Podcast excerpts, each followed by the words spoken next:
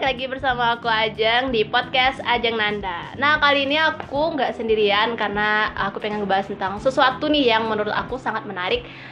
Eh, kira-kira itu adalah seputaran tentang kehidupan mahasiswa. Nah tentunya sekarang aku nggak sendirian, saat lagi sama teman-teman aku. Eh, di samping aku ada siapa? Boleh kenalan dulu? Halo, nama aku Diora Ananda, biasanya dipanggil eh, Diora. Aku temennya Ajeng dari zaman SMP sampai SMA dan kebetulan sekarang aku lagi eh, lanjutkan studi di kota Yogyakarta. Oke, next. Oh kalau boleh di jurusan apa tuh Diora? Oh iya, aku kuliah di jurusan Teknik Kimia. Teknik kimia. Sekarang udah semester? Mau udah masuk semester 8 sih, udah mau skripsi. Wah, udah berarti bentar lagi dong. Iya, doain ya, guys. Oke, kita doain tentu dong. Nah, selanjutnya juga ada teman aku satu lagi. Ini ada teman aku dari SMA, dari ke awal mulai masuk SMA udah kenal banget sama dia. Dia orangnya aktif banget nih di sekolah. Hmm, langsung aja kita kenalan sama siapa nih? Hai, aku Kori Mustika, aku biasa dipanggil Kori. Eh, sekarang aku lagi kuliah di jurusan D4 Profesi Kebidanan di Poltekkes Kemenkes Jakarta 3. Nah, aku kenal Ajeng itu dari SMA. Ajeng itu orangnya hmm, hiperaktif banget Wah, hiperaktif. dan orangnya eh, sangat sangat sangat pede. Wow, asal jangan kepedean kali ya. Oke, berarti teman-teman aku ini adalah kebetulan teman-teman dari SMA dan Diora ini ada aku kenal juga dari SMP. Mereka melanjutkan studi mereka yaitu di yang Diora di kota Yogyakarta dan Kori di Jakarta. Dan be- mereka berdua ini beda jurusan. Yang satunya ada teknik, yang satunya lagi kesehatan, khususnya di profesi kebidanan. Nah, yang pengen aku tanya ini ke teman-teman nih, kayak mulai dari apa sih pertama kali yang ada di pikiran kalian buat milih kuliah di luar daerah? Tuh. Mungkin dari Kori dulu. Jadi eh, kalau aku eh, kenapa bisa pengen kuliah di Pulau Jawa?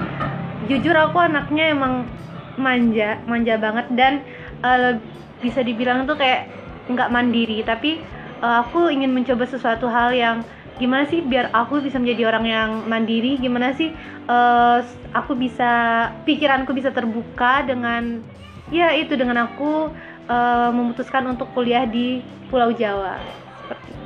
Apalagi jauh dari orang tua. Jadi Hmm. hal tersebut pun menuntut kita secara tidak langsung buat mandiri gitu kan. Ngerjain apa pun sesuatu hal dari yang kecil sampai yang gede dengan diri sendiri, Sendiri, gitu. iya.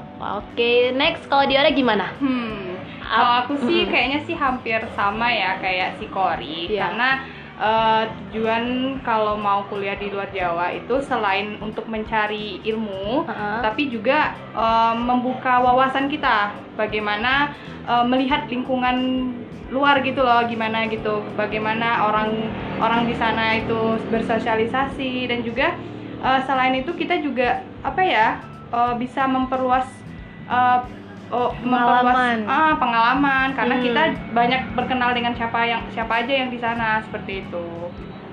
Berarti bisa kayak kita itu lebih ibaratnya nambah teman juga, Iya. memperluas lingkungan sosial juga gitu nambah kan. wawasan, Mm-mm. nambah pengetahuan, banyak hal yang yang nggak kita dapatkan di sini Mm-mm. di daerah kita, Iya. tapi kita dapatkan di luar sana. Bener banget. bener banget. Jadi itu mungkin keuntungan gitu ya buat kita yang pengen kuliah di luar gitu kan, yang apa pun yang eh, terjadi di luar itu secara tidak langsung pun bisa berdampak positif buat Iya, kita. benar. Nah terus eh, kenapa sih kalian milih- jurusan yang sedang kalian jalani sekarang? Hmm, siapa Diara nih? dulu, Diara Oke. dulu. Kalau aku ya, sebenarnya eh, gimana ya? Karena di awal kalau pemilihan jurusan itu kan Hmm. sesuai dengan eh, kemampuan kita masing-masing ya kan. Nah, kebetulan ketika SMA itu aku ngerasa bahwa di bidang kimia itu aku kayak mumpuni gitu loh, Iya. kayak mampu dan bisa menguasainya. Nah, kenapa enggak kalau aku coba di jurusan yang ada kaitannya dengan kimia? Mm-mm. Nah, lalu kena eh, pertanyaannya kenapa aku ngambilnya malah teknik bukan pendidikan Iya, ataupun bukan kimia murni gitu kan. Mm-mm. Aku mengambil teknik karena menurutku em, aku orangnya itu adalah eh, bisa menginovasi gitu loh, Uh. membuat inovasi baru. Nah, sedangkan kalau untuk orang kimia murni ataupun pendidikan kimia, mereka itu kan cenderung membu- mencari tahu bukan membuat suatu suatu hal. Nah, Mm-mm. sedangkan kalau di bidang teknik itu bisa eh, kita membuat satu inovasi baru menciptakan itu. inovasi Menciptakan baru inovasi gitu baru, ya. Oh, itu. gitu. Enak nggak kalau kuliah teknik? gitu? Apalagi teknik kimia Oh, loh. kalau ada eh, enak nggak buat enaknya aku, sih. buat aku sendiri ya, bagi aku pribadi lah, kimia itu kayak ya meskipun pernah ikut olimpiade kimia Iya. kan barengan sama Diora, cuman kayak masih sesuatu hal yang menakutkan gitu loh Oh, yang iya, namanya benar. kimia mau gimana pun rumusnya mau gimana pun eh, soal latihannya ini ini itu semuanya tetap aku tuh kayak Mengancam nggak- hidup. ah kayak mengancam hidup gitu loh yang namanya Iya, kimia iya, enak iya. gak sih kuliah teknik kimia Sebenarnya itu juga ya, kalau orang bilang kamu suka kimia, Mm-mm. masuk teknik kimia itu udah tepat. Sebenarnya nggak tepat karena menurutku di jurusan teknik kimia itu yang lebih banyak belajar itu adalah belajar fisika dan matematika. Jadi sebenarnya teknik kimia itu bukan eh, tentang kimia murni, Oh, bener-bener nggak melulu tentang kimia Ah, gitu bener. ya. Malah lebih banyaknya tuh ke fisika gitu. Ah, ah. Nah itu sih yang nggak enaknya karena kita eh, apa ya? Sepertinya kebanyakan orang-orang di dunia ini nggak suka ya yang sifatnya hitung-hitungan gitu Ah, kan. bener, nah bener. gitu kan nah kayak itu sih yang nggak enaknya cuman ya enaknya itu tadi karena sesuai dengan fashion kita karena eh, suka berinovasi Mm. gitu kan sesuai dengan fashion kita ya seperti itu sering kebentur nggak sih misalnya kayak ngerasa udah udah ini kan udah hampir mau selesai nih Ah. teknik kimianya Mm-mm. terus pernah nggak ngerasa kayak di semester baik gitu ngerasa eh aku Aduh. kayaknya salah jurusan deh. Eh, aku kayaknya nggak sanggup lagi deh gitu gimana Ah, ah, kalau untuk aku pribadi sih kayaknya enggak ya Ah. belum belum pernah coba cuman dari beberapa teman aku yang pernah aku kenal mereka sih pernah ngomong kayak kayaknya aku salah jurusan deh atau Iya, iya, iya. atau kayak em, aduh aku pengen nyerah deh kayak gitu pindah jurusan atau putus asa gitu kan mungkin mereka ini kali ya maksudnya kayak eh, itu tadi mereka nggak ngikutin fashion mereka gitu Mm-mm. loh mereka nggak kalau misalnya mereka udah fashion mereka di sana mereka pasti senang hati menjalankannya kayak gitu kan nah seperti itu sih ikhlas ya intinya Ah, ah, benar ikhlas Bener banget. Berarti harus ngejalanin aja, Iya, ngalir aja gitu kan. mm-mm. Kalau Kori gimana nih? Kok bisa sih eh, pengennya ke kebidanan? Kenapa nggak coba misalnya kayak apa ilmu ilmu pendidikan kah atau teknik atau hal segala macam misalnya? Apalagi Kori kan itu kan kalau dari SMP ya aku lihat tuh kayaknya Kori ini suka nari nih ya kepikiran tuh sempet nih eh, kalau tamat SMA kayaknya dia nih mau ke sendera tasik Hmm. deh bisa jadi lagian suaranya juga bagus bisa nyanyi bisa nari gitu kan soalnya kamu kalau aku lihat tuh ya dari SMA tuh suka ikut lomba tuh pasti Iya. di bidang-bidang Ah, seni ah, gitu iya. kan kok bisa gitu kuliahnya nggak di bidang seni juga gitu. Oke, jadi eh, kenapa aku ngambil bidan? Awalnya sih emang eh, dari SMP sampai SMA kelas 3 itu aku eh, nggak ada niatan sama sekali untuk eh, masuk bidan. Tapi ya karena awalnya itu aku ping- eh, pengen banget masuk ke komunikasi. hmm. Komunikasi karena aku orangnya suka suka berbicara, suka Iya, suka nyerocos tam- gitu ya. Iya, suka tampil gitu kan Iya. tapi eh, terus aku pikir-pikir eh, masuk bidan kayak eh, kayak apa ya eh, nenekku udah bidan Mm-mm. gitu. Terus eh, tanteku udah dokter. Pokoknya di rumah udah kesehatan semua ya udahlah gitu kan. Eh, suatu ketika suatu ketika eh,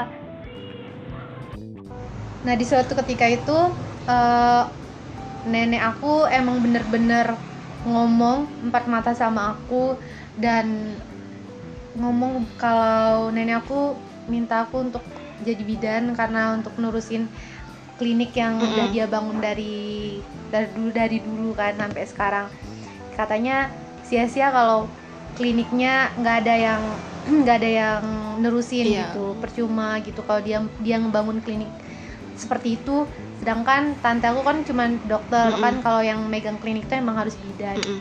terus aku tuh emang, emang sem- sempat kayak berdebat gitu sampai sampai aku eh, mogok makan sampai aku merajuk di di dalam kamar sampai aku pokoknya aku bener-bener ngelawan gitu Mm-mm. nah aku tidur aku tidur besoknya aku bangun tiba-tiba nggak tahu kenapa hati aku terketuk untuk ya udah aku mau jadi bidan aja gitu terus eh, aku ngerasa kayak mungkin ini mungkin ini Oke, terima kasih mobil. Terus mungkin ini maaf ya itu ada gangguan sedikit. Iklan. Iklan. Jadi mungkin jadi aku berpikir mungkin ini eh, adalah emang takdirnya takdirnya aku di sini gitu. Dan aku juga harus aku harus mencoba aku harus ikhlas aku harus eh, harus Menjalani gitu menjalani kan, da- eh, semua yang sudah nenek aku percayakan kepada Mm. aku gitu jadi ya udah di satu ketika aku ngambil bidan di Jogja aku mau Mm. ngambil bidan di Jakarta aku ngambil bidan di Padang Mm-mm. terus eh keterimalah di Jogja keterima di Jakarta keterima jadinya aku karena di Jakarta ini yang yang negeri makanya aku ngambil yang di di Jakarta. awal aku masuk bidan itu awalnya aku mikir ih ngapain sih gitu Mm-mm. ngapain sih sekolah kayak gini gitu iya. harus pakai seragam harus rapi Iya, iya. harus disiplin Udah kayak SMA aja gitu. Ah, ya. udah kayak SMA, udah kayak mau masuk TNI, udah mau Iya, kayak iya, iya. masuk Polri. Jadi kayak ya Allah gitu. Aku bayangin dari dulu dari kecil aku bayangin kalau kuliah Iya. itu bebas, Ya pakai bajunya bebas gitu kan. Pakai make up, pakai ini ini ini. Nah, lama kelamaan semester 1, semester 2, semester 2 itu aku sempat mau berhenti. Mm. Kenapa? Aku sempat mau berhenti karena aku emang bener-bener nggak nggak kuat nggak Iya. kuat sendiri di sana gitu nggak kuat emang dasarnya kan awalnya aku manja kan Mm-mm. jadi aku nggak emang bener-bener nggak kuat di Jakarta sendiri aku nggak kuat dengan lingkungan baru yang beda banget sama sama kita yang ada di Iya. sini gitu Belum beradaptasi lah iya gitu belum kan. beradaptasi karena kan orang-orangnya ya gimana ya beda lah sama kita Iya. gitu di sini kan Eh, belum lagi kayak ada eh, ya ya kayak kayak gitulah Pergaulannya pergaulannya gitu kan. jadi emang kita harus emang kuat-kuat diri Hmm. gitu kan ada terus eh, semester ketiga semester ketiga semester empat aku mencoba untuk menguatkan hati menguatkan diri mencoba untuk ya udah coba dulu gitu coba dulu dua semester ini. Kalau memang bener-bener nggak kuat emang bener-bener hati aku nggak masih nggak nerima aku masuk bidan ya. udah aku memutuskan aku untuk keluar gitu. Aku mengorbankan berapa enam semester gitu enam semester aku. Dan akhir akhir akhirnya aku mencoba mencoba mencoba dan menguatkan hati. Dan sampai sekarang alhamdulillah aku tanggal 27 ini udah mau skripsi. Alhamdulillah 27 April ya. Iya. Bentar lagi. Ini kayaknya cuma aku aja gitu ya Yang masih masih lama gitu kan skripsiannya Teman-teman aku yang seangkatan udah pada mau skripsian Udah ada yang sidang malahan Udah wisuda. Iya, iya cuman udah wisuda gimana gitu kan kondisi Eh, Terus eh, enak gak sih menurut kalian tuh kuliah di luar? Apa sih bedanya bagi kalian nih eh, yang udah kuliah ngejalanin kuliah hampir mau selesai malahan kan di kota orang nih di daerah orang apa sih enaknya gitu?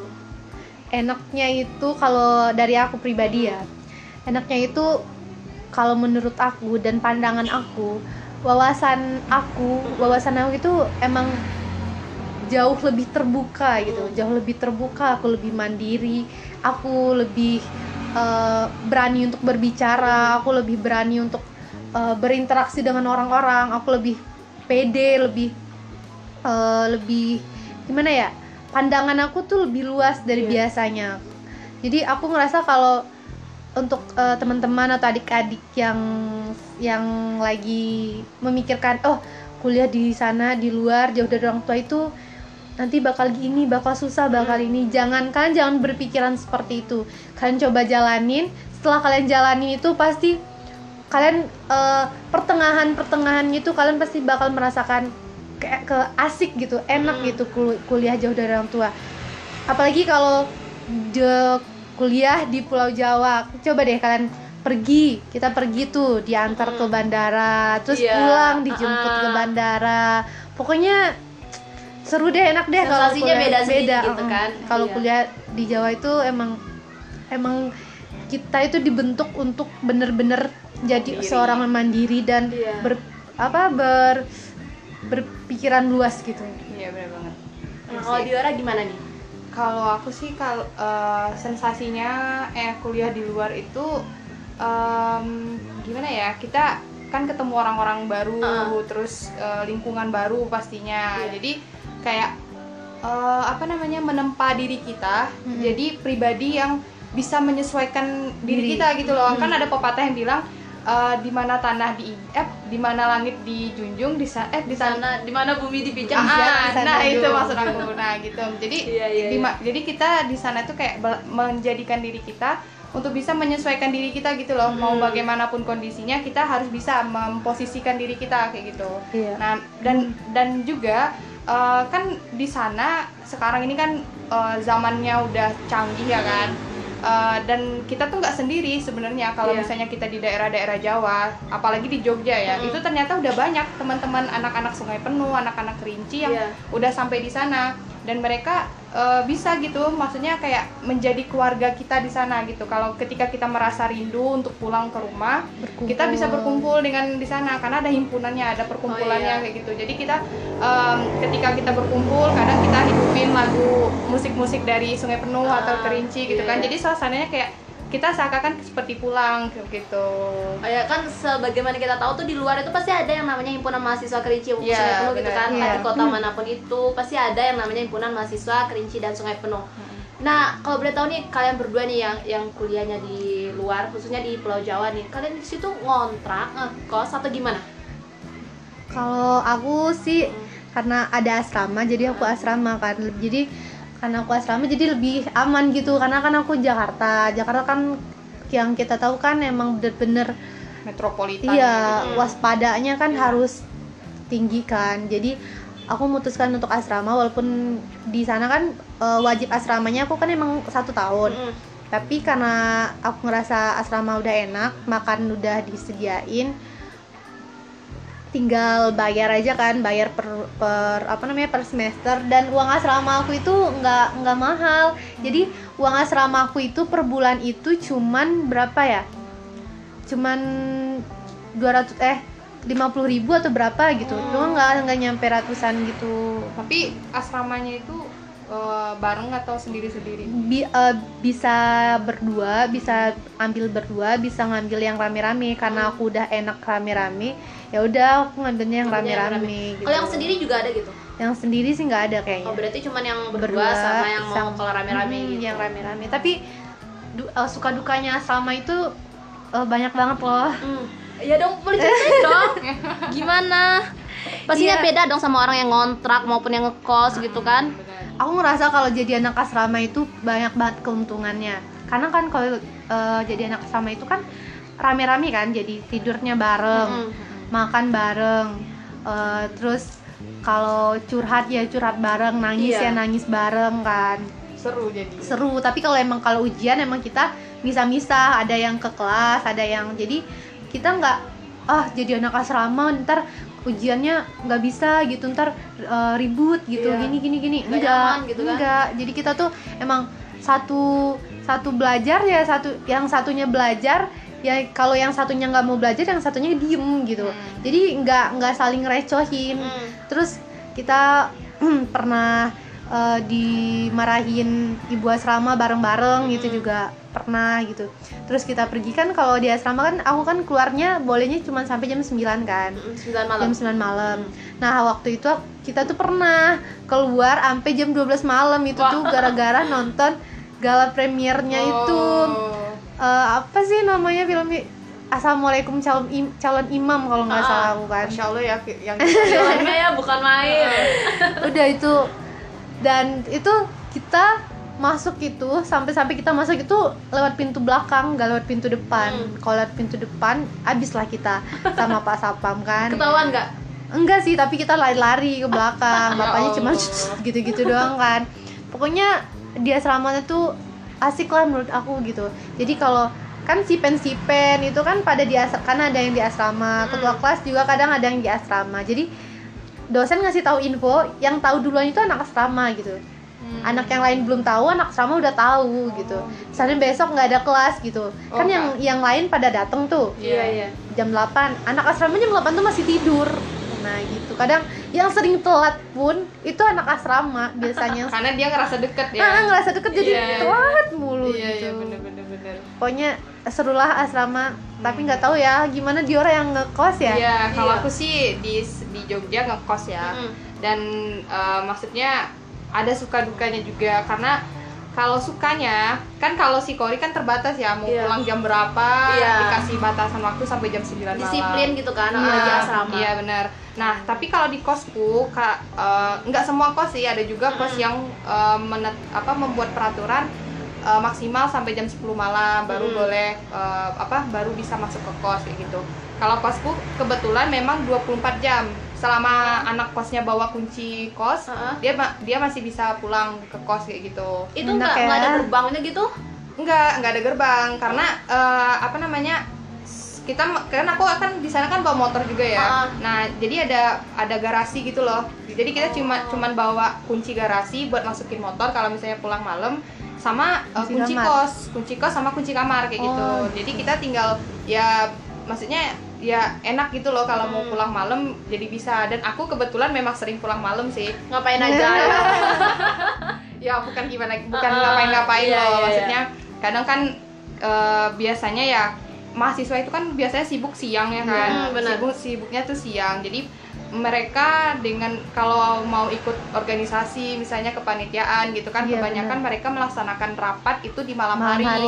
Oh, iya, nah iya. makanya jadi ba- ba- karena kita itu rapat eh, kebanyakan bukan mendiskusikan tentang apa yang harus dirapatkan Hmm. malah kebanyakan tuh kayak ngobrol gitu Iya, loh sharing gitu sharing. kan. nah akhirnya kan molor waktunya Iya, iya, iya, sampai iya, iya. jam 12 malam sampai ke jam 1 tuh pun juga pernah kayak gitu kan nah itu sih yang yang membuat eh, kenapa mahasiswa itu sering pulang malam kalau di Jogja itu Sama dan sih. ah, dan di Jogja itu semakin malam tuh semakin rame Oh ya? Ah, ah. Bukan semakin sepi. Iya, bukan Ah. malah makin sepi, Iya. malah semakin rame. Jadi yang orang tua khawatirkan dari Hmm. kita misalnya kamu pulang malam nanti ntar ah, gini, gini, Iya, gitu, iya, gitu kan. gitu kan Iya, gimana ya? Memang sih ada di, Iya. di beberapa tempat eh, pernah terjadi misalnya kayak begal gitu Iya, kan rawan, semacamnya. rawan banget gitu ya Iya. Mm, memang pernah, cuman ya kalau kita sudah terbiasa di sana kita tahu dong di mana lokasi-lokasi yang aman untuk kita tempuh kayak gitu kan. Ya seperti itu. dan kita juga harus eh, nggak dan kita juga kalau mau pulang malam nggak nggak sembarangan Mm-mm. sembarangan Iya. ngambil jalan Iya, gitu. benar. jadi kita cari jalan yang jalan aman, yang aman yang juga gitu kan. Mm, benar.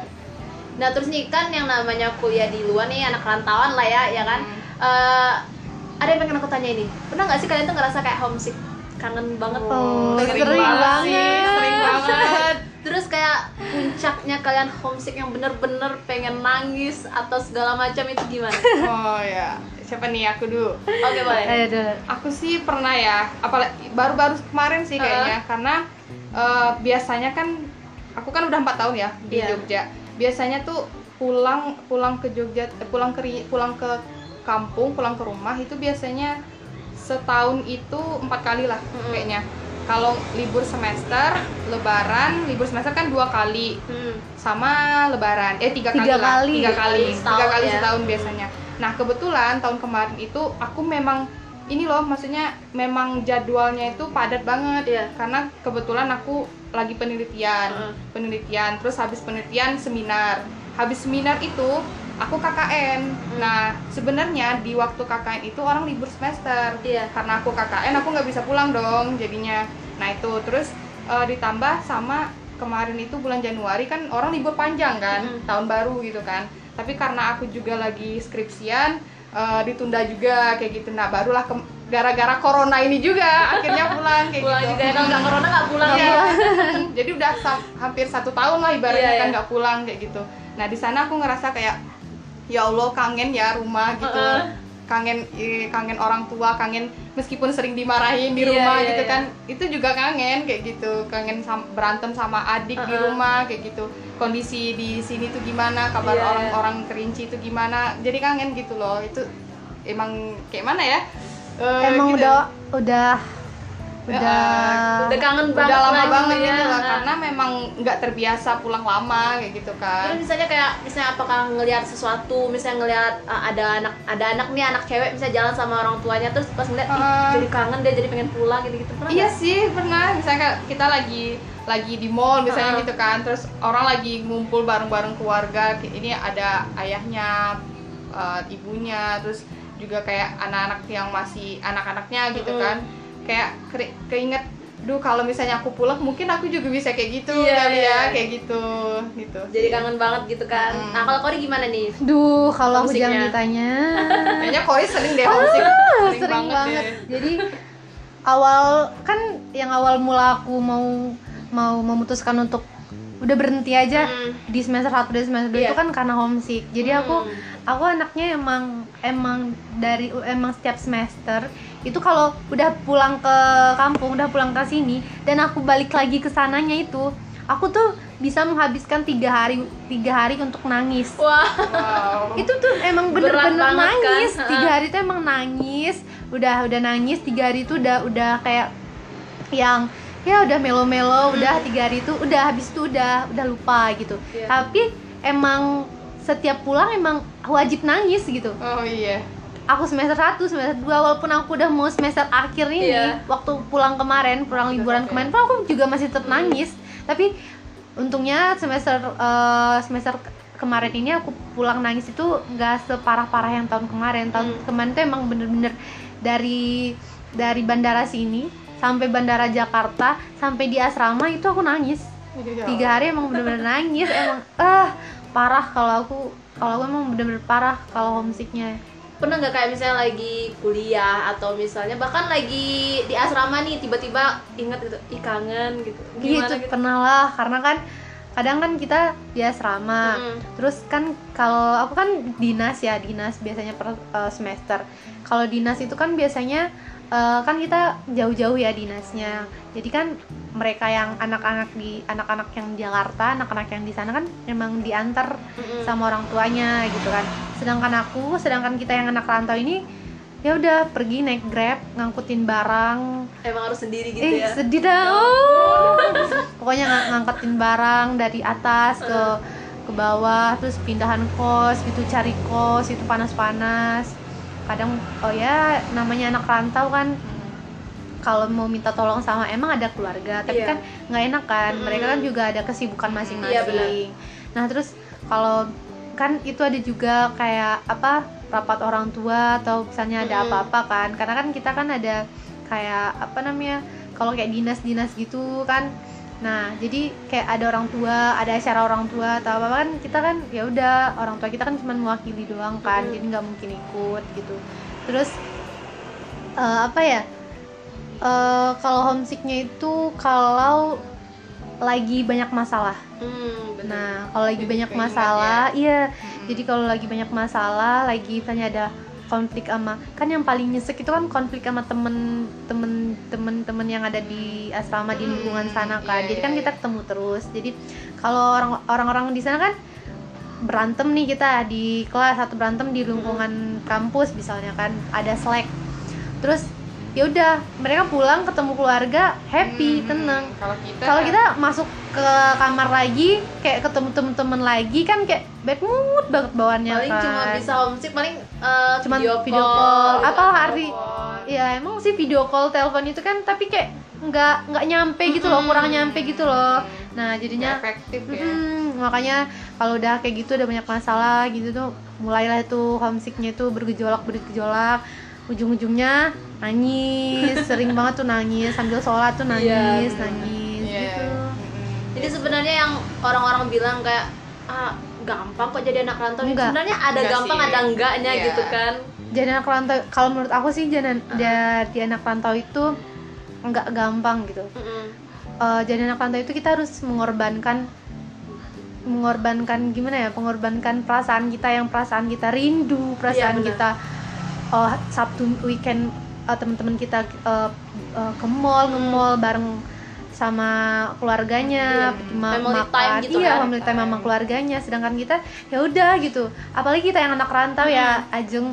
Kita tuh di asrama anak rantau itu kak cuman berlima atau berenam gitu. Ya udah kita hari sabtu minggu ya udah di asrama aja. Jadi kita senin selasa rabu kamis cuma sabtu minggu itu emang bener-bener di Di di, asrama, asrama. Ya. kecuali waktu kita masih tingkat tingkat satu tingkat dua itu kan kita masih organisasi kan Mm. masih HMP HMJ jadi kan bolak-balik ke sini acara ini eh, lupa tuh sama Mm-mm. keluarga nggak terlalu gitu nggak Iya terlalu iya sih. punya kesibukan gitu karena di Iya. awal-awal kita juga kayak ada ambisi maksudnya kayak eh, apa namanya kalau anak-anak uh, perkul- anak kuliah pertama Mm-mm. baru masuk itu ya aku Ambisius. ambisius Mm-mm. gitu loh kayak mau ikut ini, mau ikut ini Iya, ikut iya, iya, bener. terus ambisinya pengen dapat IPK gini Iya, iya, gitu bener, kan. bener, bener. sampai sampai ke sini tuh udah makin makin nah ke sini tuh ah, makin, makin udah capek Ah, gitu udahlah, ya gitu udah, lah, udah apa dapat gitu. tiga tiga koma di atas udah udah alhamdulillah gitu kan kayak gitu. udahlah kalau udah semester apalagi semester akhir Iya. kan nggak ada ya maksudnya nggak ada ke- kegiatannya ya skripsi skripsi skripsi penelitian gitu ya penelitian. Ya udah itu terus udah kalau udah kayak gitu ya udah di asrama gitu kan kalau mau keluar pun kadang yang namanya Jakarta ya mak Iya. ya jeng ya kayak Ini aku mau ngomong Mak Jeng nih buat aku kasih tahu ya kalau teman-teman aku dari SMA udah aku jelasin juga di episode pertama di introduction itu kalau teman-teman aku yang SMA tuh kebanyakan manggil aku Mak Jeng. Nah, ya udah sampai sekarang, aku manggilnya Mak Jeng aja Oke, ya nggak apa-apa. jadi ya Mak Jeng kalau Jakarta itu kan susah beda ya sama di Jogja di Iya. Jogja kan apalagi di orang kan ada motor kan Iya, ada kendaraannya. memang di sana tuh memang tertib kota, dan iya, dan kota pendidikan pendidikan. jadi tuh aman lah gitu kan Iya. kalau di Jakarta Jakarta kan terkenal dengan Mm-mm. eh udahlah nggak usah ya, di barbar tahu lah gimana gitu kan. ya ah, terus ya udah aku kalau mau ke mana-mana tuh susah gitu majek jadi iklan Iklan. jadi kita Resiko harus tinggal di pinggir jalan. iya maaf ya guys jadi kita harus ya harus naik naik dari Grab. lagi oh, apa biaya lagi ya Hmm. kan jadi ya Mikir kadang lagi mikir gitu lagi kan. nah apalagi kalau di luar itu duit itu tuh Kita sangat ah, sangat Antara pilihan pengen keluar sama tapi aku harus ngehemat juga nih Iya, gitu kan buat biaya hidup ke depannya gitu. Nah, yang aku pengen tahu tuh dari kalian, sebenarnya kalian tipe mahasiswa yang gimana sih kalau di kampus kalian? Apakah kalian kura-kura, kuliah rapat, kuliah rapat, kupu-kupu kah, kuliah pulang, kuliah pulang atau gimana? Kalau aku sih kayaknya di awal awal-awal dulu sih termasuk eh, kombinasi antara kupu-kupu sama kura-kura deh kayaknya. Kalau gimana tuh? semester 1 sama semester 2 ya karena Heeh. dulu masih aktif banget gitu loh kayak yang aku bilang tadi kan ambisiusnya itu masih tinggi banget pengen ikut organisasi ini Iya. pengen ikut ini itu itu kan nah semakin ke sini semakin ke sini tuh aku ngerasa kayak lebih banyak kura-kuranya eh kupu-kupu ya Iya. kuliah pulang kuliah pulang gitu daripada eh, Kuliah rapat, kuliah rapat gitu. Mm-mm, karena semakin ngerasa kayak ah udahlah maksudnya kayak lebih fokus lebih baik fokus sama diri sendiri dulu Mm-mm. gitu loh Eh, kayak ngerjain ngerjain tugas aja dari dari dosen dari kampus kayak gitu gitu dibandingkan ikut organisasi atau eh, rapat-rapat yang lainnya kayak gitu sih Dan makin ke sini tuh makin ngerasa kayak ya udah deh IPK, yang penting lulus aja deh gitu kan. oh Yang iya penting lulus aja gitu. yes ya maksudnya gimana ya kalau masalah Memuaskan, IPK mm, ah. mas kalau IPK ya semakin ke sini tuh kayak ya udahlah segini aja deh udah Udah, cukup cukup. Ya, yang penting uh, pas buat lulus Mm, gitu benar, kan. benar, Ah, benar, benar. benar, benar. Nah, kalau Kori gimana? Kalau aku sih dari tingkat satu, eh tingkat satu, tingkat dua, tingkat du- pokoknya semester semester awal itu Mm. aku emang eh, aktif ikut organisasi. Jadi aku eh, ya itu kuliah rapat, kuliah rapat, kuliah rapat. Jadinya kuliah rapat. Ya pokoknya penuh dengan rapat, rapat sampai kan aku kan kampusnya kan dua kan Iya. di Jatiwarna sama di eh, Cempaka Putih di Mm-mm. Jakarta Timur. Nah jadi aku tuh eh, rapatnya itu mondar mandir, mondar jadi kan mondar mandir dari Pulau Mas ke Jatiwarna, Pulau Mas Jarak berapa Jatiwarna. kilo kira-kira? Itu paling berapa kilo ya? 25 kiloan ada kali ya, Hmm. 20 kiloan. Satu jaman lah, satu jam, Oh, satu satu jam setengah jam. Ah. Mm. Nah itu nanti eh, transportasinya gimana tuh? Ya pribadi. Jadi emang Grab gitu ya. naik motor kan teman-teman yang punya motor jadi boncengan. Kalau nggak ada motor ya udah naik Grab rame-rame gitu. Dan itu kan ya emang habis-habisan gitu lah untuk ya karena namanya kita seneng organisasi jadi kan apa pun kan kita Senang hati, tempuh gitu iya, kan Dengan senang hati Mm-mm. gitu ya. Terus kalau kalau udah ke sini ke sini kan udah udah nggak ada ikut ikut lagi. Kalau dulu kan aku ya aku dulu sering ikut. Kalau SMA SMP itu aku ikutnya di bidang kesenian. Mm. nah beda sama aku di kuliah. Iya. nah aku kuliah itu aku sukanya ikut turnamen-turnamen itu futsal. Beda banget kan? Iya, iya, iya, iya. eh sampai semua orang yang yang kenal sama aku gitu kan.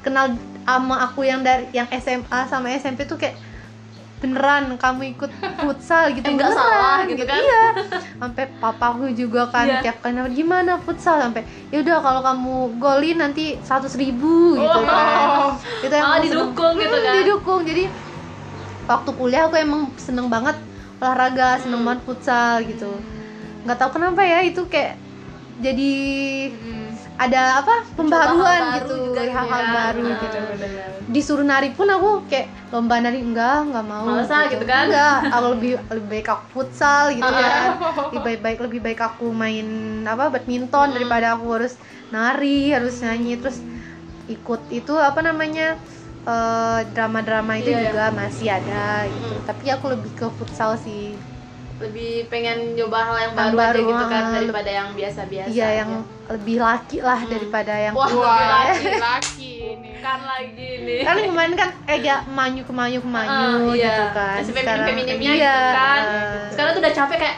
ya udahlah ini yang gue mau ini yang gue mau ini yang gue suka kenapa iya gitu kan ah.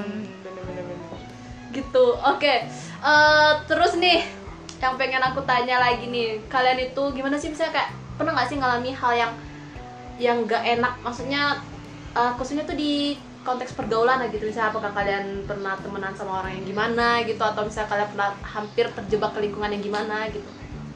Em, pergaulan di kota kalian itu gimana sih tempat kalian kuliah gitu? Eh, kalau masalah pergaulan ya di kota Jogja itu mulai dari yang baik, sangat baik sampai ke sangat tidak baik itu ada. ya? Semuanya ada. Jadi eh, yang dikenal di Jogja itu ada pasar pasar apa sih namanya? Aku lupa ya pokoknya tuh di sana tuh kan memang kayak ada klub-klub klub Hmm. malam gitu loh. Itu eh, memang disediain kayak Hmm. gitu. Maksudnya eh, tergantung kita sih di sana mau mau mau ke arah mana gitu mau yang jadi bener-bener mahasiswa yang baik, Baik, atau ya. mahasiswa yang tidak baik kayak Mm-mm. gitu jadi itu pilihan kita sebenarnya tapi eh, kalau untuk hal-hal seperti itu eh, sejauh ini aku belum pernah terjun langsung ke lapangan ya Iya, iya. dengan orang-orang yang seperti itu cuman aku cuman pernah dengar-dengar dari cerita-cerita teman sih kayak mohon maaf ya ini disebut kayak ayam Enggak. kampus Ah, iya, gitu oke. kan Ah. nah kayak ayam kampus gitu tuh ada bahkan di universitasku itu kan Ah. universitasku kan Universitas Islam Indonesia Ah, ah, oh UI Ah, ah, UII kan.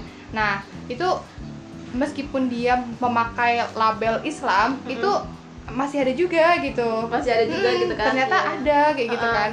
Eh, yang hal-hal yang seperti itu gitu. Jadi eh, apa ya? Yang namanya hal-hal yang yang nggak kita sangka, yang nggak kita kira tuh ada gitu loh. Maksudnya yang hal-hal yang kayak gitu. Cuman aku sih cuman dengar-dengar cerita dari orang kayak gitu kan, nggak pernah lihat gi- gimana gitu. Iya. Tapi juga pernah sih aku eh, sekali naik gokar Mm-mm. itu dibilang gini sama bapak gokarnya mbak eh, saya kemarin pernah ngantarin di belakang eh, belakang FTI gitu kan. Mm-mm. ada mahasiswa yang malam sekitar jam 12 gitu pakai bajunya tuh mini banget gitu loh mbak. Itu masih sawi apa enggak ya mbak? Ya terus saya antar mereka ke ini ke sana gitu kan ke lokasi yang dimaksud itu gitu kan. Eh, terus eh, mungkin bisa jadi bisa jadi pak karena sekitar kos di sini ya ma- siapa kalau bukan mahasiswa UI ma- apalagi gitu kan nah di sana sih mulai kayak aku berpikir kayak eh, mungkin yang diceritain sama orang-orang tentang ayam kampus gitu kan Itu beneran di- ada ternyata gitu ya. memang ada Ah. kayak gitu loh gitu jadi em, hal-hal yang hal-hal buruk pergaulan buruk itu em, kita nggak boleh deketin maksudnya nggak Iya. boleh kita deketin hal-hal yang seperti itu cuman untuk kita tahu aja gitu loh Hmm. bagaimana kayak gitu dengan tahu cerita-cerita orang kayak gitu setidaknya kita bisa waspada gitu kan Mm, biar iya, benar. benar kena dampaknya gitu Ah, kan. ah, benar Nah kalau di Jakarta sendiri gimana nih Pak? Duh, kalau di Jakarta kan yang kita tahu kan kayak yang klub-klub itu kan banyak ya. Mm. Tapi alhamdulillahnya di lingkungan yang yang aku dapet itu tuh alhamdulillahnya tuh eh, nggak ada yang kayak gitu gitu. Hmm. Jadi aku beruntung punya temen-temen yang emang bener-bener eh, lingkungannya baik baik gitu ya. lingkungan yang baik-baik gitu dan kalau menurut aku kan kalau aku kan karena aku di Poltekkes mungkin ya jadi anak kesehatan jadi eh, aku belum nemu yang yang kayak kayak gitu tuh belum nemu pas ah, kalau yang yang pacarannya yang berlebihan itu pasti Hmm, ada lah tapi iya. kalau yang kayak ayam kampus gitu-gitu aku belum nemu sih belum belum ada lah gitu tapi nggak tahu kalau kalau di luar sana kan masih banyak ya Hmm, di masih banyak Bang. Mm-mm. Tapi kalau di di lingkungan aku sendiri itu alhamdulillahnya aku belum nemu. Makanya aku kayak aku juga selalu cerita sama orang tua aku, aku bersyukur dapat teman-teman yang yang emang benar-benar baik gitu. Teman-teman yang yang, nggak macam-macam lah gitu kan Iya sih, aku juga maksudnya alhamdulillahnya tuh lingkunganku teman-teman di kampus, terus teman-teman main gitu lah Hmm. pokoknya ya. Itu mereka alhamdulillahnya bukan orang-orang yang tergolong yang nggak kita harapkan itu Mm-mm. tadi gitu kan. Alhamdulillahnya mereka hmm, apa namanya masih hmm, apa malah mendukung hmm, ke arah yang baik gitu. ke arah yang baik malah seharusnya kayak gitu.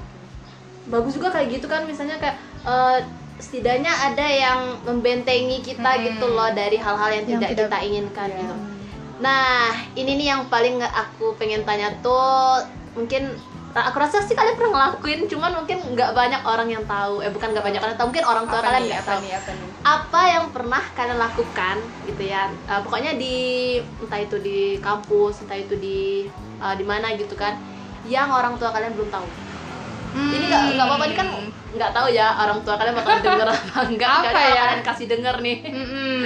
yang nggak pernah orang yang maksudnya udah kalian lakuin kalian ngelakuin sesuatu Uh-uh. tapi yang orang tua kalian nggak tahu nggak tahu gitu Hmm. ya oh apa ya kayaknya udah sering sih maksudnya kayak maksudnya kayak apa ya maksudnya kayak kita em, dari uang jajan aja deh Ah, iya, misalnya iya. kayak gitu kan. Itu udah udah pasti gitu. Iya kan. kan dari uang jajan aja biasanya dibilang kita bilangnya kepentingan untuk ya sering sih kalau hal-hal yang kayak gitu. Maksudnya kayak dari hal sepele aja misalnya uang jajan ya Ah, ah, gitu uang kan. jajan. Eh, misalnya keperluannya sebenarnya untuk si A tapi malah kita tambah-tambahin misalnya buat apa gitu kan. Iya, iya, iya, buat iya. nambahin Iya, jajan gitu kan. Nah itu sih salah satu contoh kecilnya.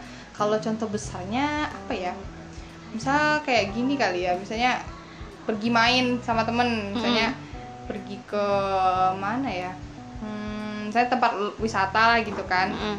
Eh, kita sebenarnya tuh udah dibilang sama orang tua kamu ini mau ujian loh mau UTS gitu Iya, iya, mau iya. uas gitu kan nggak usah ke mana-mana belajar gitu Di rumah aja gitu kan. di kos aja kayak gitu kan tapi karena eh, apa gara-gara apa tadi tuh karena kita kepengen juga karena Hmm. teman-teman juga ngajak gitu kan ya akhirnya kita bohongin orang tua gitu bukan bohongin sih tapi nggak kita kasih tahu. Iya, gitu iya, iya, kan iya. pada yang sebenarnya nggak dibolehin tapi kita lakuin kayak gitu Oh, cuman nggak kasih oke. tahu mah kita ya ya nggak- ya nggak bohong dong kalau kita kasih Hmm. tahu kan maksudnya ya gitu sih yang selagi ngerasa kita nggak Hmm, macam-macam nggak iya, ngapa-ngapain gitu ngapa-ngapain kan kan pasti pernah gitu sih nah kalau kamu gimana kak Kalau aku hampir sama sih ya sama Diora. Jadi kayak eh, misalnya uang uang apa ini 75 tapi mintanya 100 Seratus. gitu kan. eh btw ini Kori ngomongnya udah pelan loh karena bundanya udah pulang Terus apa ya?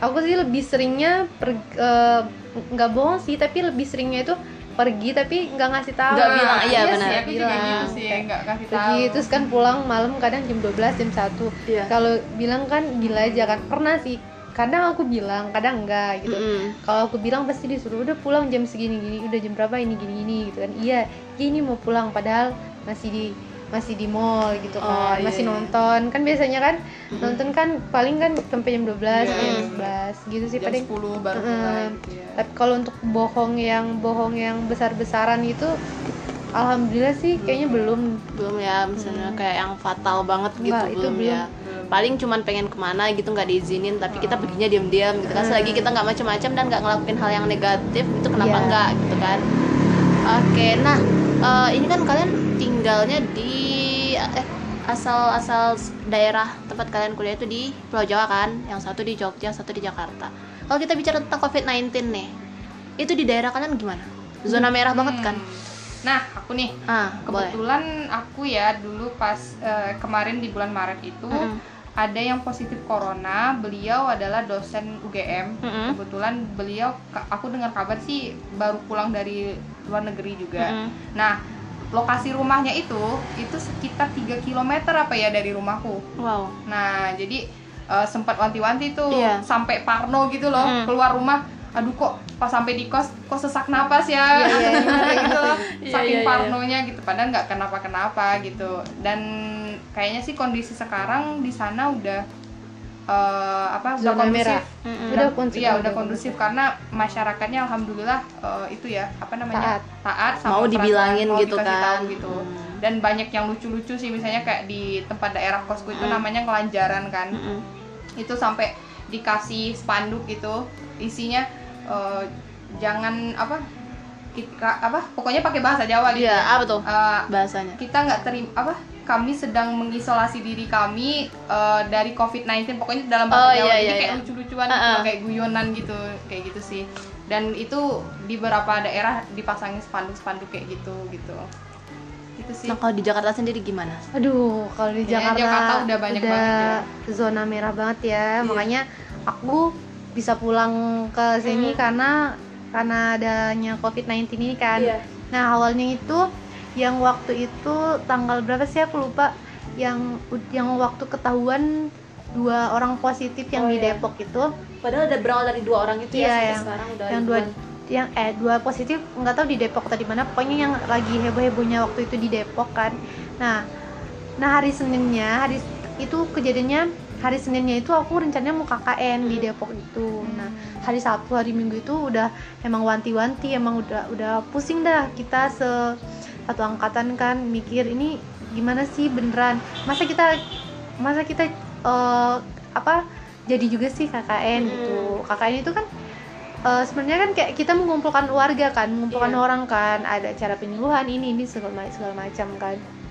Dan eh, hari Sabtunya Sabtu malam malam Minggu itu aku udah udah lagi packing tuh packing mau KKN Eh, besok paginya kalau nggak salah bangun pagi itu aku terima kabar Hmm. terima kabar kalau KKN-nya nggak jadi Hmm. dan kita diliburkan selama dua minggu kan Iya. diliburkan selama dua minggu ya udah hari minggu itu kita langsung ke kampus kan beres-beresin uh, barang-barang KKN itu barang-barang semuanya terus habis itu kita yang anak rantau langsung mesen tiket mesen tiket Langsung hari hari Seninnya juga? hari Senin Oh, itu hari kita Seninnya. langsung pulang hari Senin kita langsung pulang karena kita mikir kalau kita uh, apa mundur mundur pulangnya takutnya nanti di uh, lockdown di lockdown kan di Hmm. lockdown udah kita udah pusing lagi kan Udah mikirinnya Ah, gitu, karena apalagi eh, apa namanya itu ketakutan di negeri orang itu tanpa orang tua itu Mm, bener duh Mm-mm. ya Iya enak sih. banget Mm. kayak ada beban yang Mm-mm. ya Allah nanti aku mati di sini gimana iya, apalagi iya, kan aku kan tenaga kesehatan Iya, kan iya, jadi mau nggak mau har- harus nggak harus ya emang harus terjun harus langsung terjun gitu. langsung gitu. Nah, sesampainya udah sampai di sini, terus eh, kemarin-kemarin ini kan udah eh, Jakarta kan emang eh, yang paling banyak ya, yang paling yang paling zona merah banget ya.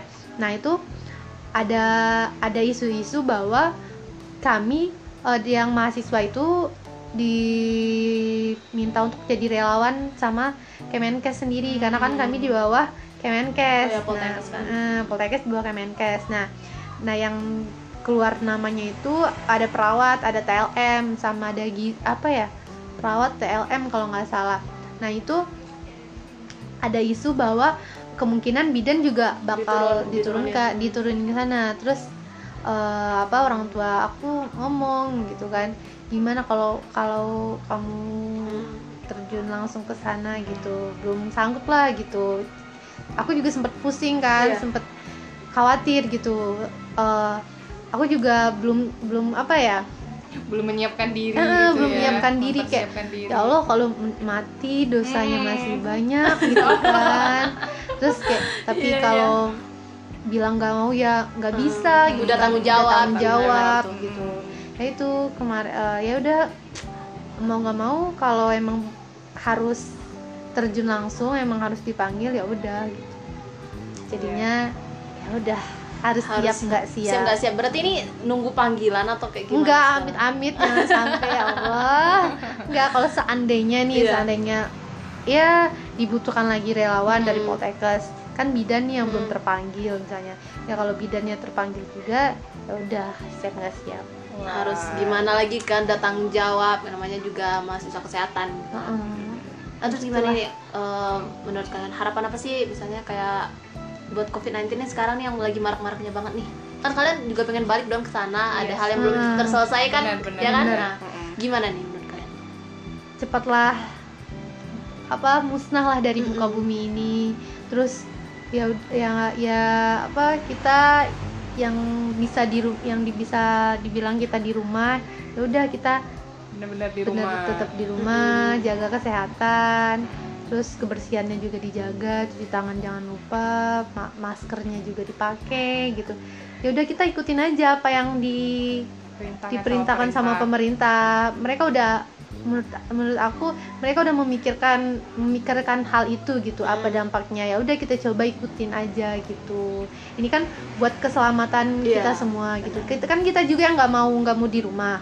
Ya udah sekarang kita coba ikutin dulu apa yang diinstruksikan sama pemerintah Iya. gitu apalagi bentar lagi mau bulan Ramadan, Ramadan, kan jangan mau sampai- lebaran Ya, nggak ya bisa ampun. tarawih di masjid gitu Iya Ya, kan? kebayang sih kalau misalnya sampai Ramadan di rumah semuanya Iya, apa semua banget. Idul Fitri di rumah gitu Iya. kan kayak nggak aduh ya kita bener sih yang kata si Kori denger dengerin aja apa yang Mm. diperintahkan sama pemerintah gitu kan maksudnya jangan bandel gitu loh karena kan sekarang kebanyak apa eh, meningkatnya korban dari covid ini kan karena kebandelan masyarakat juga sih sebenarnya. Sudah dibilang jangan keluar rumah tapi masih banyak juga yang keluar rumah kayak gitu kan. Jadi eh, kurang kesadaran dari masyarakat itu sendiri sih. Kalau kalau langkah dari pemerintah sih sepertinya udah udah udah ini sih udah bagus gitu kan ya. Karena udah diperintahkan kita untuk menggunakan masker untuk selalu menjaga kebersihan itu udah dikasih tahu gitu. Cuman karena masyarakatnya aja sih yang kurang sadar gitu pemerintah juga udah mengupayakan kayak yang terbaik lah gitu ya untuk Mm-mm. melindungi masyarakat ya Bener. tinggal kitanya lagi yang Oh, yang mau nggak sih dilindungi Iya, bener mau nggak sih? sih, Bener. eh, ngejalaninnya gitu kan Iya. kalau mau ini cepat selesai ya udah nurut gitu Oh, bener. di sini bukan ini kalau di rumah aja ini loh yang rugi ini loh Mm-mm. rugi ini bukan bukan bukan gitu semuanya rugi gitu loh. Bukan iya benar. bukan satu oknum dua oknum apa ini aja yang rugi tapi semuanya rugi gitu. Jadi ya gimana caranya kita bisa bekerja di rumah gitu kan. Selagi masih bisa kerja di rumah yang kerja, di rumah, aja kalau emang benar-benar nggak bisa kerja di Mm. rumah ya silahkan Dan di luar tetapi tetap, jaga. menjaga kesehatan. Tetap pakai pelindung diri gitu kan. Nah tentunya juga kalau udah kena covid nih, udah marak-maraknya covid-19 Semua hal pun dialihkan ke dalam rumah Termasuk juga yang namanya kuliah online. Nah kalian pasti udah ngerasain juga dong. Aku juga dengar banyak nih teman-teman lain mungkin yang bilang Ada yang protes, bisa kuliah online merugikan, ini itu. Gimana sih menurut kalian? Kuliah online merugikan nggak bagi kalian? Eh, kalau aku nggak kalau aku kan aku tingkat Ah. akhir jadi aku nggak nggak nggak kuliah online Iya sih, Heeh. aku nggak ngerasain kuliah online tapi aku ngerasain bimbingan doang Iya sih. kayak kayak bimbingan gitu Ah. misalnya kan skripsian secara online gitu gimana? Kalau aku juga memang udah dari awal tuh memang kebetulan ya Hmm. dosen pembimbingku tuh lagi sibuk S3 Mm-mm. lagi ngambil doktor jadi beliau lagi sibuk eh, melanjutkan studinya jadi su- susah untuk bertemu secara langsung gitu kan jadi kebanyakan sering WA jadi udah udah udah bimbingan online dari dari awal Dari sebelum ini Oh kayak berarti gitu udah kan ngerasain ya. Mm-mm. Iya. Nah kalau menurut kalian gimana? Misalnya buat teman-teman nih yang masih semester 6 ke bawah lah yang yang belum ngerasain uh, semester akhir. Eh, Kalau mereka misalnya ngeluh kayak iya apaan sih kuliah online Iya sih, gitu, mungkin- gini, gimana? mungkin terkesan nggak efektif ya Ah. karena nggak secara langsung, gitu Langsung. kan jadi kalau apa masalah kadang masalah jaringan gitu kan Hmm. nggak bagus kayak gitu jadi nggak efektif sih karena ya itu tadi karena eh, apa sih namanya kalau ketika kita pengen nanya ada sesuatu hal yang nggak kita paham gitu kan jadi susah juga gitu. penyampaian materi pun nggak 100% Iya gitu nggak kan. nggak Iya. tersampaikan kayak gitu jadi lebih banyak belajar bener-bener belajar sendiri gitu jadinya kayak gitu tapi juga kalau yang aku lihat sih kalau kuliah tatap muka juga kadang kan banyak yang tidur Hmm, yang iya, ini ini Hmm. jadi ada gimana ya iya juga saat sih sebanding gitu Heeh.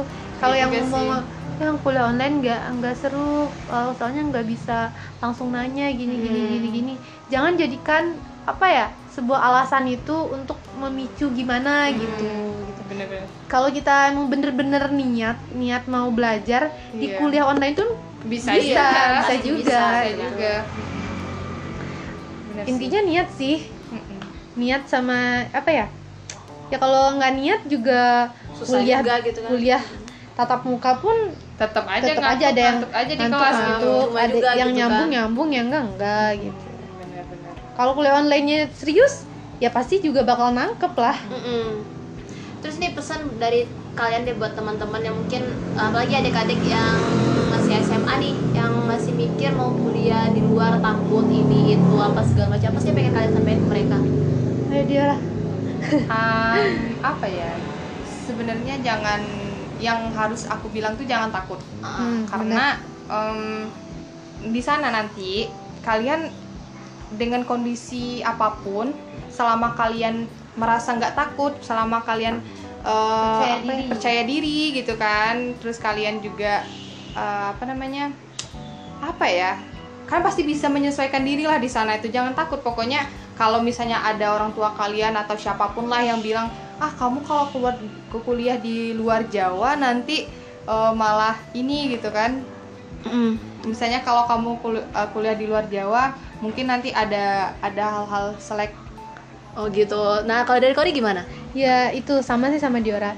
Jangan takut percaya diri yakin kalau kita eh, yakin kalau kalian yakin kalau kalian itu berani kalian itu bisa mandiri. Kalau kalian itu eh, bisa, Bisa membawa semuanya ah, gitu ya. kan. pokoknya intinya jangan takut Oke, jadi segitu dulu uh, episode podcast kita kali ini.